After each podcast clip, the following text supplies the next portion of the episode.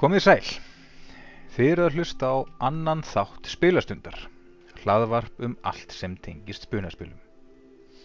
Ég heiti Þorsteinn Mar og hef spilað spunaspil allt of, allt of lengi.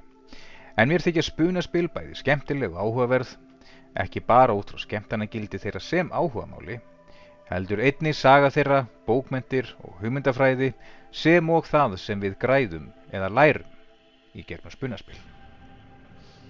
Í þessum þætti ætla ég að skoða íslenska spunaspilið Ask Yggdrasils. Við upphaf tíunda áratugar síðustu aldar áttu spunaspil miklum vinsaldum að fagna hérlendis.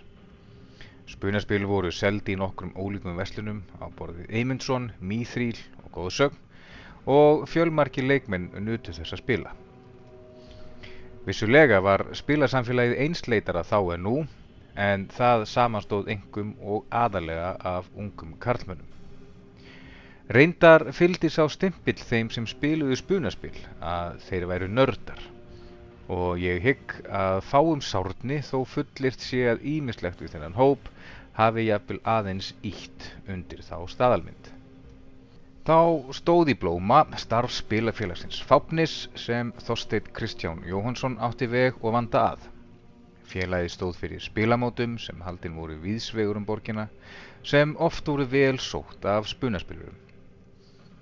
Eins voru gefin út nokkur tölublöð af tímariti sem bar saman nafn og spilafélagið hvar finna mátti efni, sögur, ævintýri og huglegingar um spunaspil eftir íslenska höfunda.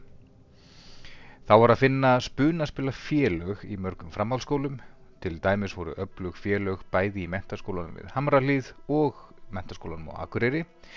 Til að mynda átti spilafélagið í MH ágætan kost spunaspila sem meðlimir félagsins gáttu fengið lánuð. Auk þess færi maður í góðsögn sem síðar varð Nexus á þessum tíma hitti maður yðurlega fyrir aðra spunaspilara og gatt skipst á reynslusögum og fengið ábyrningur um góð spunaspil, aukabækur og svo framvegis.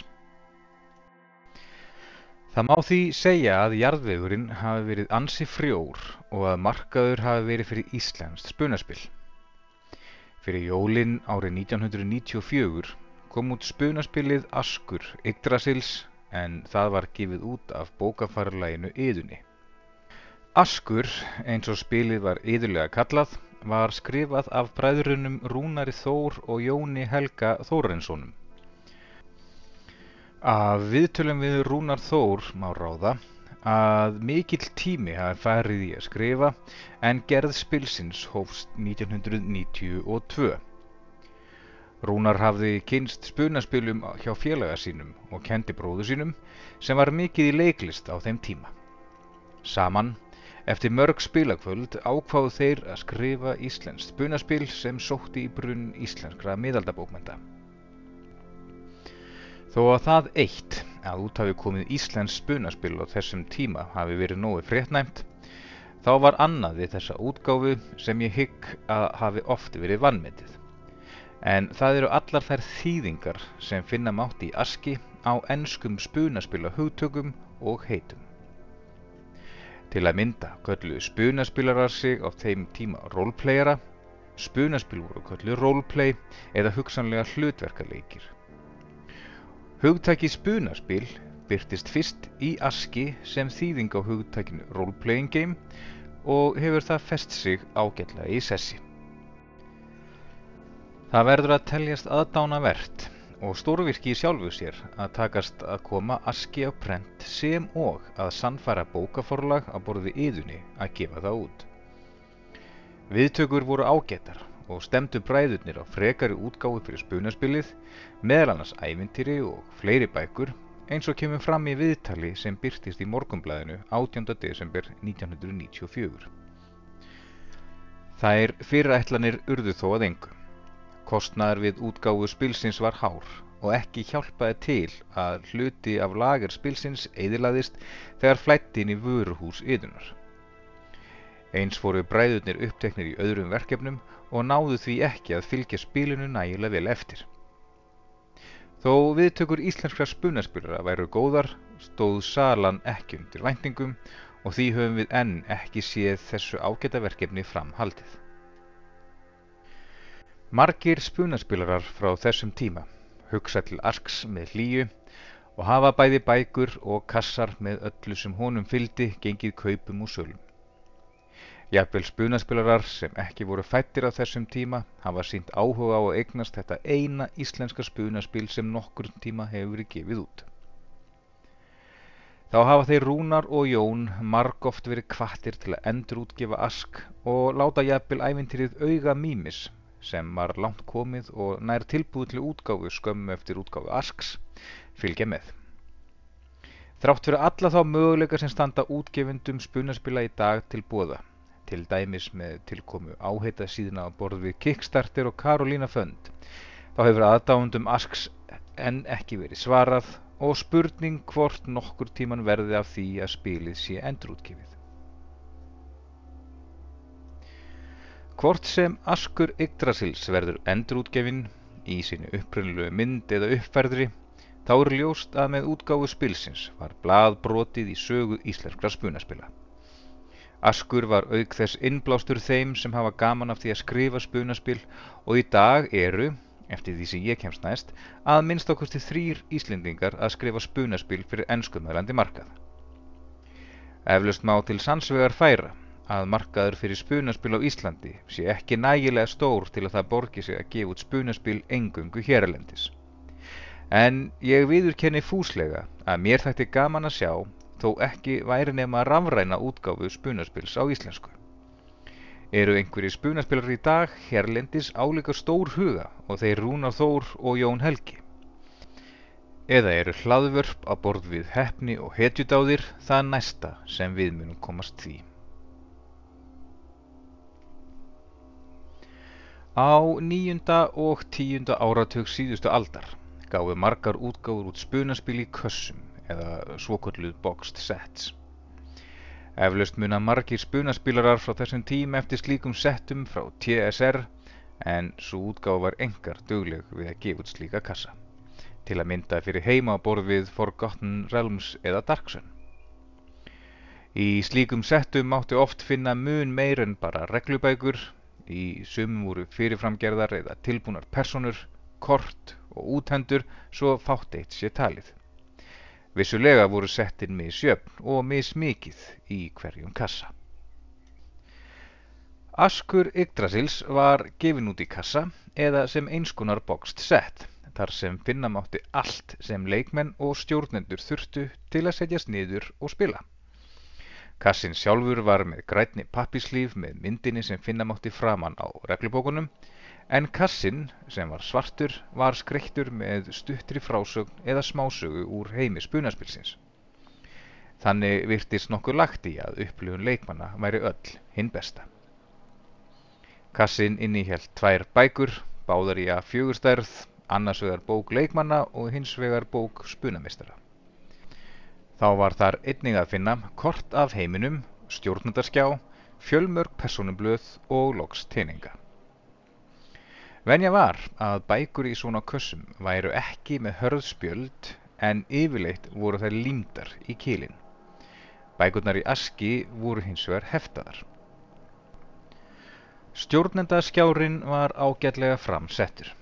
Þrjú hörð af fjögurspjöld og innihjælt fjölda nöðsynlegra tabla og einfaldaði stjórnendum mjög að þurfa ekki að fletta upp í tíma og ótíma í bók spunamestara. Skjárin var lóðréttur eins og venja var á þessum tíma, en síðan þá hafa sífælt fleiri útgáfur breytt skjám og eru þeir nú oftar láréttir þannig að auðveldra sé fyrir stjórnanda að sjá yfir hann. Eflaust var mesta ríkidæmi þessa kassa persónublöðin og blöð spunamistara til að halda utanum aðgerðaröð. Hver kynþáttur var með sína eigin útgáfi af persónublaði og fylgdu kassanum nokkur eintök af hverju persónublaði. Þessi blöð voru samanbrotnar að þrýr arkir hvar leikmenn gáttu halda utanum eiginleika, hæfileika, galdra, líf og bardaokunnútu persónu sinna.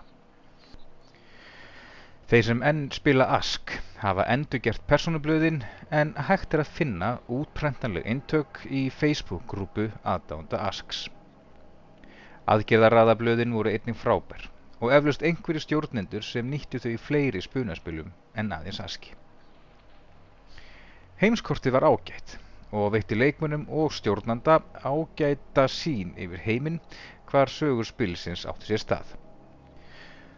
Eflaust hefði verið hægt að gera kortið ítalegra og jafnvel þannig að leikminn ættu auðveldar með að lesa í hinnar ólíku litarsamsetningar sem notar voru til að tákna ólík umhverfi Þannig til að mynda voru notaðir nokkrir ólíkir grænir litir og eflaust ekki alltaf ljóst fyrir óvana hvað hver litur táknaði. Að lokum fylgdu nokkrir teningar kassanum. Þannig innihjælt hann í raun allt það sem leikmaður þurfti til að setjast niður og hefja spilun. Fyrir óvana spunaspilara gata vissulega verið ákveði stökk út í dýpri endi að laugarinnar en bók leikmanna innihjalt ágæta leiðbyrningar um út á hvað spunaspil ganga, leiðbyrningar sem eiga um margt við enn þann dag í dag. Eins og mörg spunaspil þá má skipta aski Yggdrasils í tvent, annars vegar kerfi og hins vegar heim eða heimsmynd.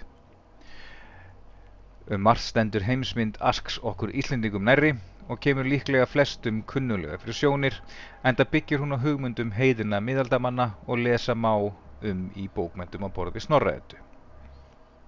Heimur Asks kallast Góðheimar en honum er skipt upp í átta mismundi landsvæði en þau eru Ásgarður, Miðgarður, Jötunheimar, Vanaheimur, Dinheimar, Múspelsheimur, Útgarður og Niblheimur. Ólíka verur og vættir byggja hvert landsvæði og geta persónur leikmanna ferðast þarna á milli, til dæmis með því að nýta sér bifröst, regnbógabrúna miklu. Góð ásatrúarmanna og helstu ílvættir eru lifandi og virkir þáttakendur í heiminum, þannig að hetjurnar geta jaft þurft að fást við klækjabröðu loka sem og að semja því surt um að fá að ferðast um múspelsheim. Nokkri kynþættir standa leikmunum til bóða við persónugerð. Vanir eru hávaksnir og miklu bardagakappar, búa engum í vanaheimi og eru upp til hópa heiðalegir. Álvar skiptast í tvær meginættir, annars vegar skóarálfa sem eru jafnan gladlegir og skemmtilegir og hins vegar jarðálfa sem eru dökkir á húð, herskáir og kunna jafnvel við sig neðanjarðar sem ofan. Dvergar eru smávaksnir og hraustir og oft liðtækir yðkendur galdra. Að lokum eru það menn sem fyrirfinnast víða í góðheimum og hafa mikla aðlugunarhæfni. Gaggrína má hver stutt yfirlitt yfir heimsmynd Arks er. Eflaust hafa höfundar gengið út frá því að leikminn þekktu vel þá staði sem finna má í góðheimum en sé yfirlitið búrið saman við helstu spunaspil og heima þessa tíma er ljóst að farið er ansið hratt yfir sögu. En Glöggir leikmenn og spunameistrarspilsins hafa þó geta ráðið í og sett saman skýrari mynd af lestri annara kapla bókana. Til dæmis í ævintýrinu Heljanið, sem nána verður fjallað um og eftir, er að finna stutta lýsingu á héræði einu í áskarði. Kanski hefur það verið ætlun höfunda að gefa ítalegar grein fyrir heimsmyndinni í næstu bókum. Þá er tvent sem ég reg augun í við lestur bókana í dag. Annars vegar er utan við vopnarlýsingar ekki gerð góð grein fyrir ólíkum menningarheimum þessara svæða. Á undanförnum árum hefur þetta atriði hloti sífælt meiri aðtikli þeirra sem búa til spunaspil, það er menning, hvort sem er að ræða trúabröð, síði, vennjur, lög eða einfaldra atriði eins og matargerð. Þannig er til að mynda sagt í tekstanum um ólíka ættboga álfa að munurinn sé ekki nema litlu leiti í líkamlegu atkerfi heldur menningu, en þó er aðeins skautað yfir þann mun og lítill gaumur gefin að menningu þessar ólíku ættbúa. Hitt atriðið, sem hugsanlega væri ekki sett fram með sama hætti í dag, má finna í lýsingu á jarðálfum. Þeir eru saði dökkir á húð og hár, herskáir og slægvitrir og undirförulir. Líklega myndu höfundar síður dragu upp þessa mynd í dag af húðlitum en hafa í huga að þegar þetta var skrifað þótti það eðlilegt í spunaspilum að dökkálvar væru upp til hópa íllminni. Af þessum sögum hafa sumar útgáfur, til dæmis Wizard of the Coast, útgefandi Drego Dýplisa, sett fyrirvara á endurútgáfur spunaspila þessa tíma um að viðkomandi bækur gætu innihaldið efni sem samreimist ekki stefnu og hugmyndafræði þeirra í dag. Þrátt fyrir þessi örffáu atriði þá getur hvaða aðdáandi völusbár, þrimskviðu og hinna eddukvæðina notið þess að spila ask. Heimsmyndin er kunnuleg hverjum lesanda þessara bókmynda og auðvelt fyrir þá að geti eidunar. Fyrir marga spunameistara getur svo kjarnirta lýsing á heimsmynd sem finna má í bókleikmanna jafnvel orða þeim innblástur og færi til að fylla út í heimsmyndina með eigin hugmyndum. Askur Yggdrasils er erfileikastegskerfi sem sækir mjög í grunn BRP-kerfisins frá Chaosium sem gefur meðal annars út spunaspilun Call of Cthulhu og RuneQuest. BRP var gefið fyrst út árið 1980 og var hannað af Greg Stanford og Lynn Willis.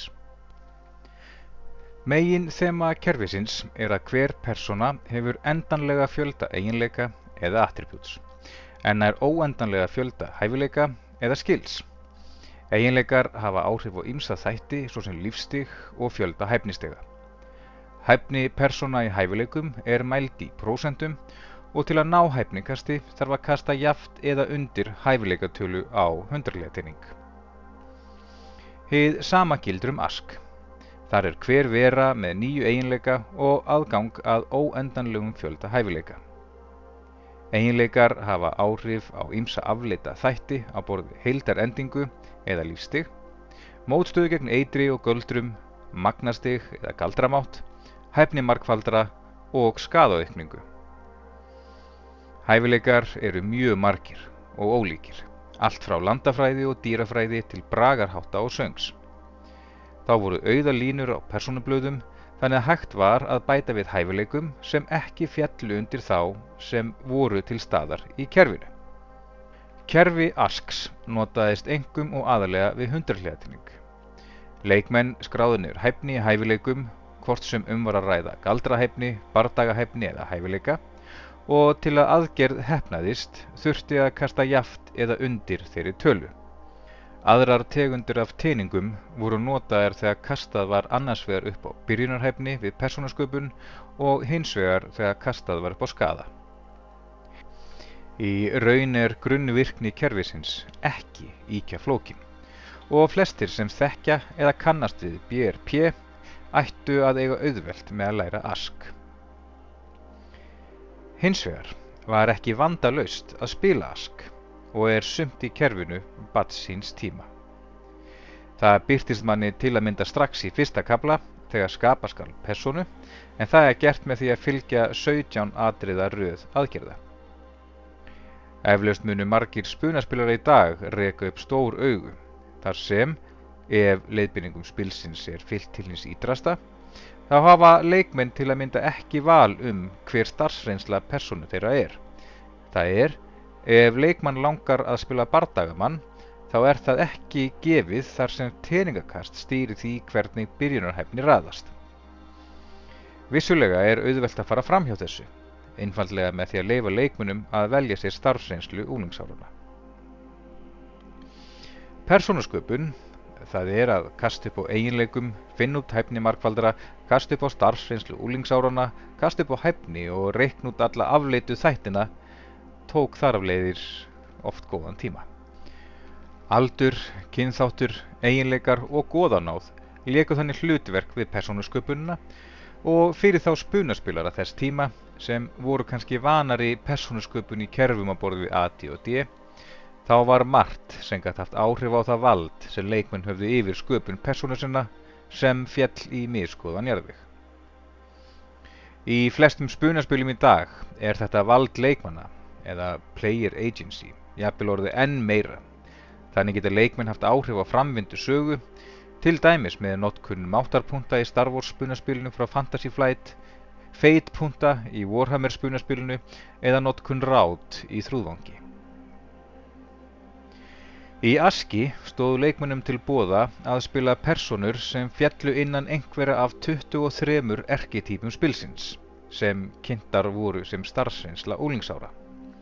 En þeim var skipt gróflega í þrjá ólíka flokka en þeir voru borgarar, mentamenn og bardagamenn. Leikmenn gáttu því leikið allt frá fátæklingi og bónda til goða og höfðingja. Hver erkitýpa tók síðan mið af kynþætti personu Þannig voru mennskir bændur ólíkir þeim af kyni skóarálfa eða vana. Það sem kannski hefði mátt gera skýrar í reglubókinni er að þessi starfsreynsla úlingsárana, eða erkitýpunar, voru aðeins upphafsmynd persóna. Þannig var auðveld, eftir því sem persóna varð reynslu meiri, að laga persónum betur að þeim hugmyndum sem leikmaður hafði í upphafi. Eitt af því sem margir spunaspilarar á þessum tíma voru hrifnir af voru personugallarnir í aski. Alla personur köstuð upp á personugalla sem voru afar ólíkir og höfðu mís mikil áhrif á viðkomandi personu.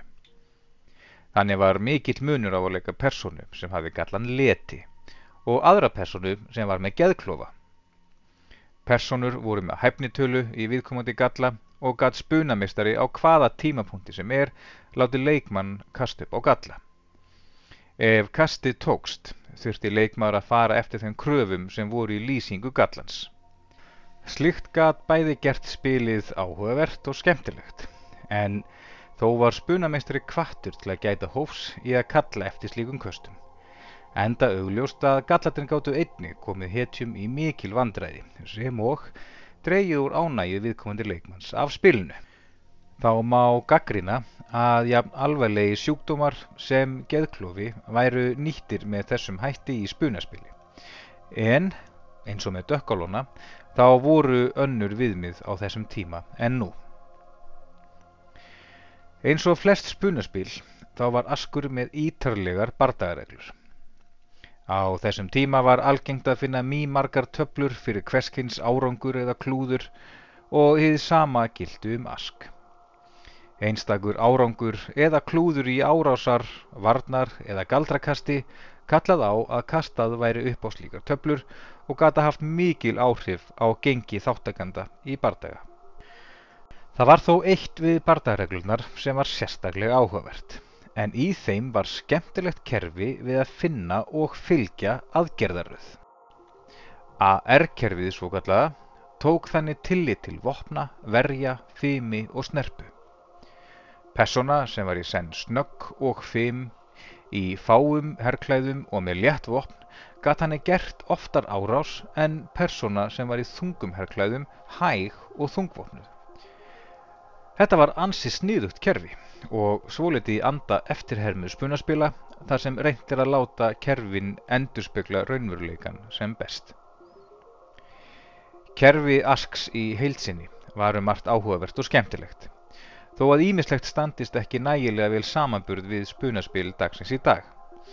Enda hefur orðið mikil þróun á þeim um það byrj 30 árum síðan Askur kom út.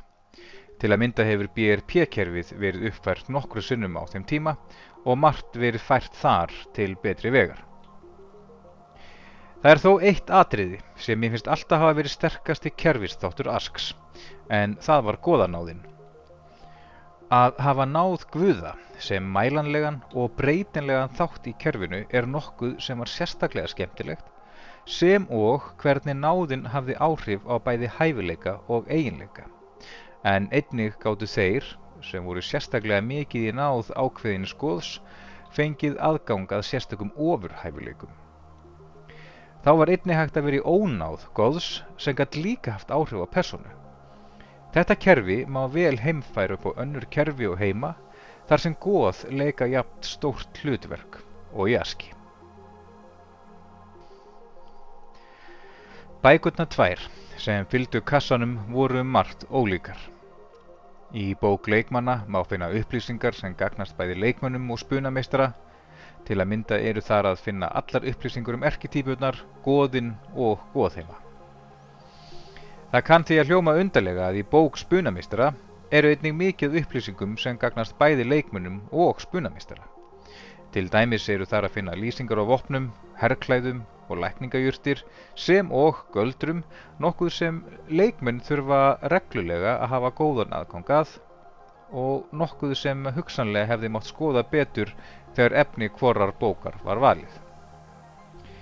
Þó eru í bók spunamistara einnig ágætar leiðbynningar fyrir spunamistara, vættatal og loks ævintýrið heljanniður.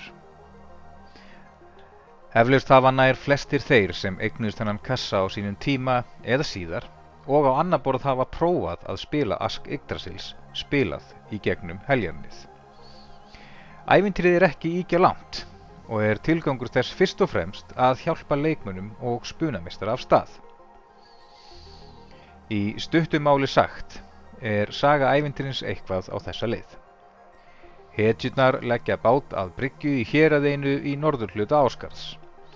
Þar kynnast þær höfðingjanum Eirkalli Þorvaldsinni, ímist með góðu eða íllu, og taka það verkefni að sér að leysa gátuna um heljarnið, sem er neðanjarðaborg, hvar sálum launmórðingja, eðrofa og brennuvarga er sapnað saman af giðjunni hel.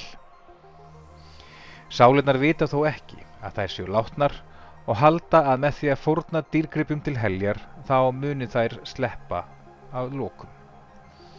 Það er því hægt að verða ansi ríkur á að heimsækja þessa neðanjarðaborg.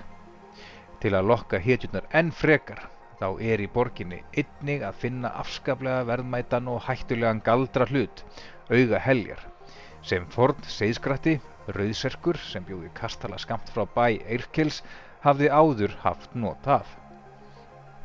Í téðum kastala er leið ofan í heljanið en þó er þetta ekki svo auðvelt því frá því að hetjurnar stíga í gegnum opið að heljarnið hafa þær aðeins tvær klukkustundir til að ráða nokkrar gátur og mæla lausnororð gátana annars eru þær fastar til eilíða nóns í neðanjarðaborg heljar. Það er margt áhugavert í heljarniði og sagan sem slík skemmtileg. Strax frá upphafsinu, þar sem hetjuna frá Ímis tækifærlega kynast svartleifi, síni Yrkels eða berjast við hann, hafa leikmenn val um hvernig þeir bregðast við og haga sínum seglum. Þá er notast við ímsar vísur og gátur sem gæða söguna lífi og hjálpa til við að skapa ekta asks andrumsloft. Þannig að leikmenn sem hafa lesið Íslendingasögurnar, sem flesti spunarspilara sem gengi hafa í grunnskóla hérlendis hafa gert, líður þeim eins og þeir séu á heimavelli. Eins er hugmyndunum um að leikmenn hafi aðeins tvær klukkustundir og það í raunheimum til að leysa gáturnar eftir að hitunar koma til heljaniðs skemmtileg. Ævintrið ber þess þó merki að hafa verið skrifað fyrir hartnær 30 árum síðan og hefur ævintrið að gera þróast mikið síðan þá. Þannig er ekki gert ráð fyrir því að hetjurnar vilja á nokkrum tímapunkti rannsaka aðra staði í Hofsmúla héræði, skoða Kastalan slíður nánar, farin í önnur hús í heljaniði en þau sem er líst, eða ræða við annað fólk en það sem tengist sögunni með beinum hætti. Það er því ekki margt efni fyrir jafnvel alveg óreindan spunamistra til að vinna með og eins er ekki mikið um leiðbyrningar fyrir slíka spunamistara. Í inngangi ævintýrisins stendur þó að alltaf 95% af frásögn spunaspila ævintýra ætti að vera samin á staðnum en líklega eru flestir stjórnundur í dag kannski ekki alveg sammúla þeirri fullirðingu og kannski hefur það heldur virkað letjandi en hvetjandi á óreinda spunamistara. Gátur ævintýrisins eru ekki íkja flóknar. Þær eru settar fram í eddu kvæða stíl og er leikmunum ætlað að skilja þær og leysa. Um fjórar vísur er að ræða, eina grunnvísu sem gefur til kynna hvert markmið vísana er og loks þrjár vísur sem hver um sig leiður að lausn eins þriðjarluta gátunar.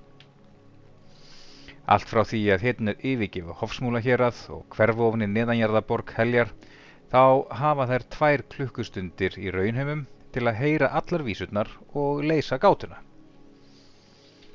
Um leið og þetta er eitt skemmtilegasti hluti sögunar er þetta jafnframt veikasti hluti hennar. Það eru fyrst og fremst leikmenn sem leysa gáturnar í stað hetjana í gegnum ímis köst eða aðgerðir. Það er að segja gáturnar reyna á leikmenn fremur en hetjur. Þá eru tímamörkin áhugaverð en þar sem þau ná út fyrir góðheima og spunameistar er kvartur til að hafa vekjaraklukku sínilega á spilaborðinu, mætti segja að fjórði vekkurinn sé brotin, ef svo mætti orði komast. Innri tími í sögu endur speklar ekki þann tíma sem tekur að lesa hana og það sama gildur um spunaspil. Innri tími hvers ævintiris getur ekki og ætti ekki að endur spekla þann tíma sem tekur að spila söguna. Í heljarnið geta hetjurnar lendið að berjast við vætti og óvinni á meðan dvöl þeirra í heljarnið stendur og bara sá vandi sem fylgir því að spila í gegnum bardaga með tilherandi umræðum um reglur, leikmenn að ákveða aðgerðir hetja, skipuleggja og svo framvegis, gerir það að verkum að þessi annars ágeta hugmynd gengur ekki að fullu upp. Að þessu sögðu þá er ævintið afar skemmtilegt og auðvelt að laga það að þörfum hvers og einn spilahóps. Leikmenn fá tækifæri til að spila hetjur eða skúrka eftir því hvernig þeir bregðast við og er sagan um heljarnið áhugaverð. Þá getur það, hvort hetjunum takist að sleppa með auga heljar, verið stökkpallur inn í miklu lengri og ítalegri ævintri í góðheimum. Það var afskaplega gaman að spila Ask Yggdrasils á sínum tíma og þetta eina al íslenska spunaspil hefur alltaf átt sérstakann sess í spilahillinu hjá mér. Þó að þó nokkri íslendingar hafi og séu að skrifa spunaspil í dag, hefur enn ekkert annað íslenskt hreinræktað spunaspil lítið dagsins ljós, þó ími sporðspil dragi ákveðin dám af spunaspilum. Þó að margt hafi breyst og spunaspil þróast töluvert síðan askur var gefin út, þá er fjölmarkar skemmtilegar hugmyndir að finna í spilinu til að mynda góðanáðinn og AR-kerfið sem auðvelt er að lagað öðrum spunaspilum, jafnvel drekum og dýflísum. Í dag ganga heilegir Asks Yggdrasils kassar með bókum og personublöðum, kaupum og sölum á netinu og oft fyrir ágætan pening. Enda hefur þetta spil þó nokkurt gildi fyrir okkur sem söfnum spunaspilum. Upplægið var takmarkað enda eiðilaðist hluti lagers yðunar á sínum tíma þegar vatn flættin í lagerhúsnæðið og því, ef þú átt kassan með öllu því góssi sem þar var að finna, skaltu liggja á honum eins og ormur á gulli. Lungu er komin tími á að Askur verði endurútgefin. Rúnar Þór, annar hönnuðarspilsins, hefur oft gefið því undir fótinn en enn ekki orðið af því. Á tímum Kickstarter og Karolína Fönd ætti að vera auðvelt að finna fjármagn meðal aðdáðanda spilsins og gruna mig að íslenski spunaspilarar myndu taka fagnandi á móti slíku framtæki. Þar með set ég punktinn á þessa yfirferð. Bakgrunnstónlist var gerð af Cryochamber og finna má að helstu tónlistarvitum en hún hendar vel til hverskinn spunaspila. Í næsta þætti mun ég fjalla um ævintýragerð og frásagnatækni. Takk fyrir að hlusta.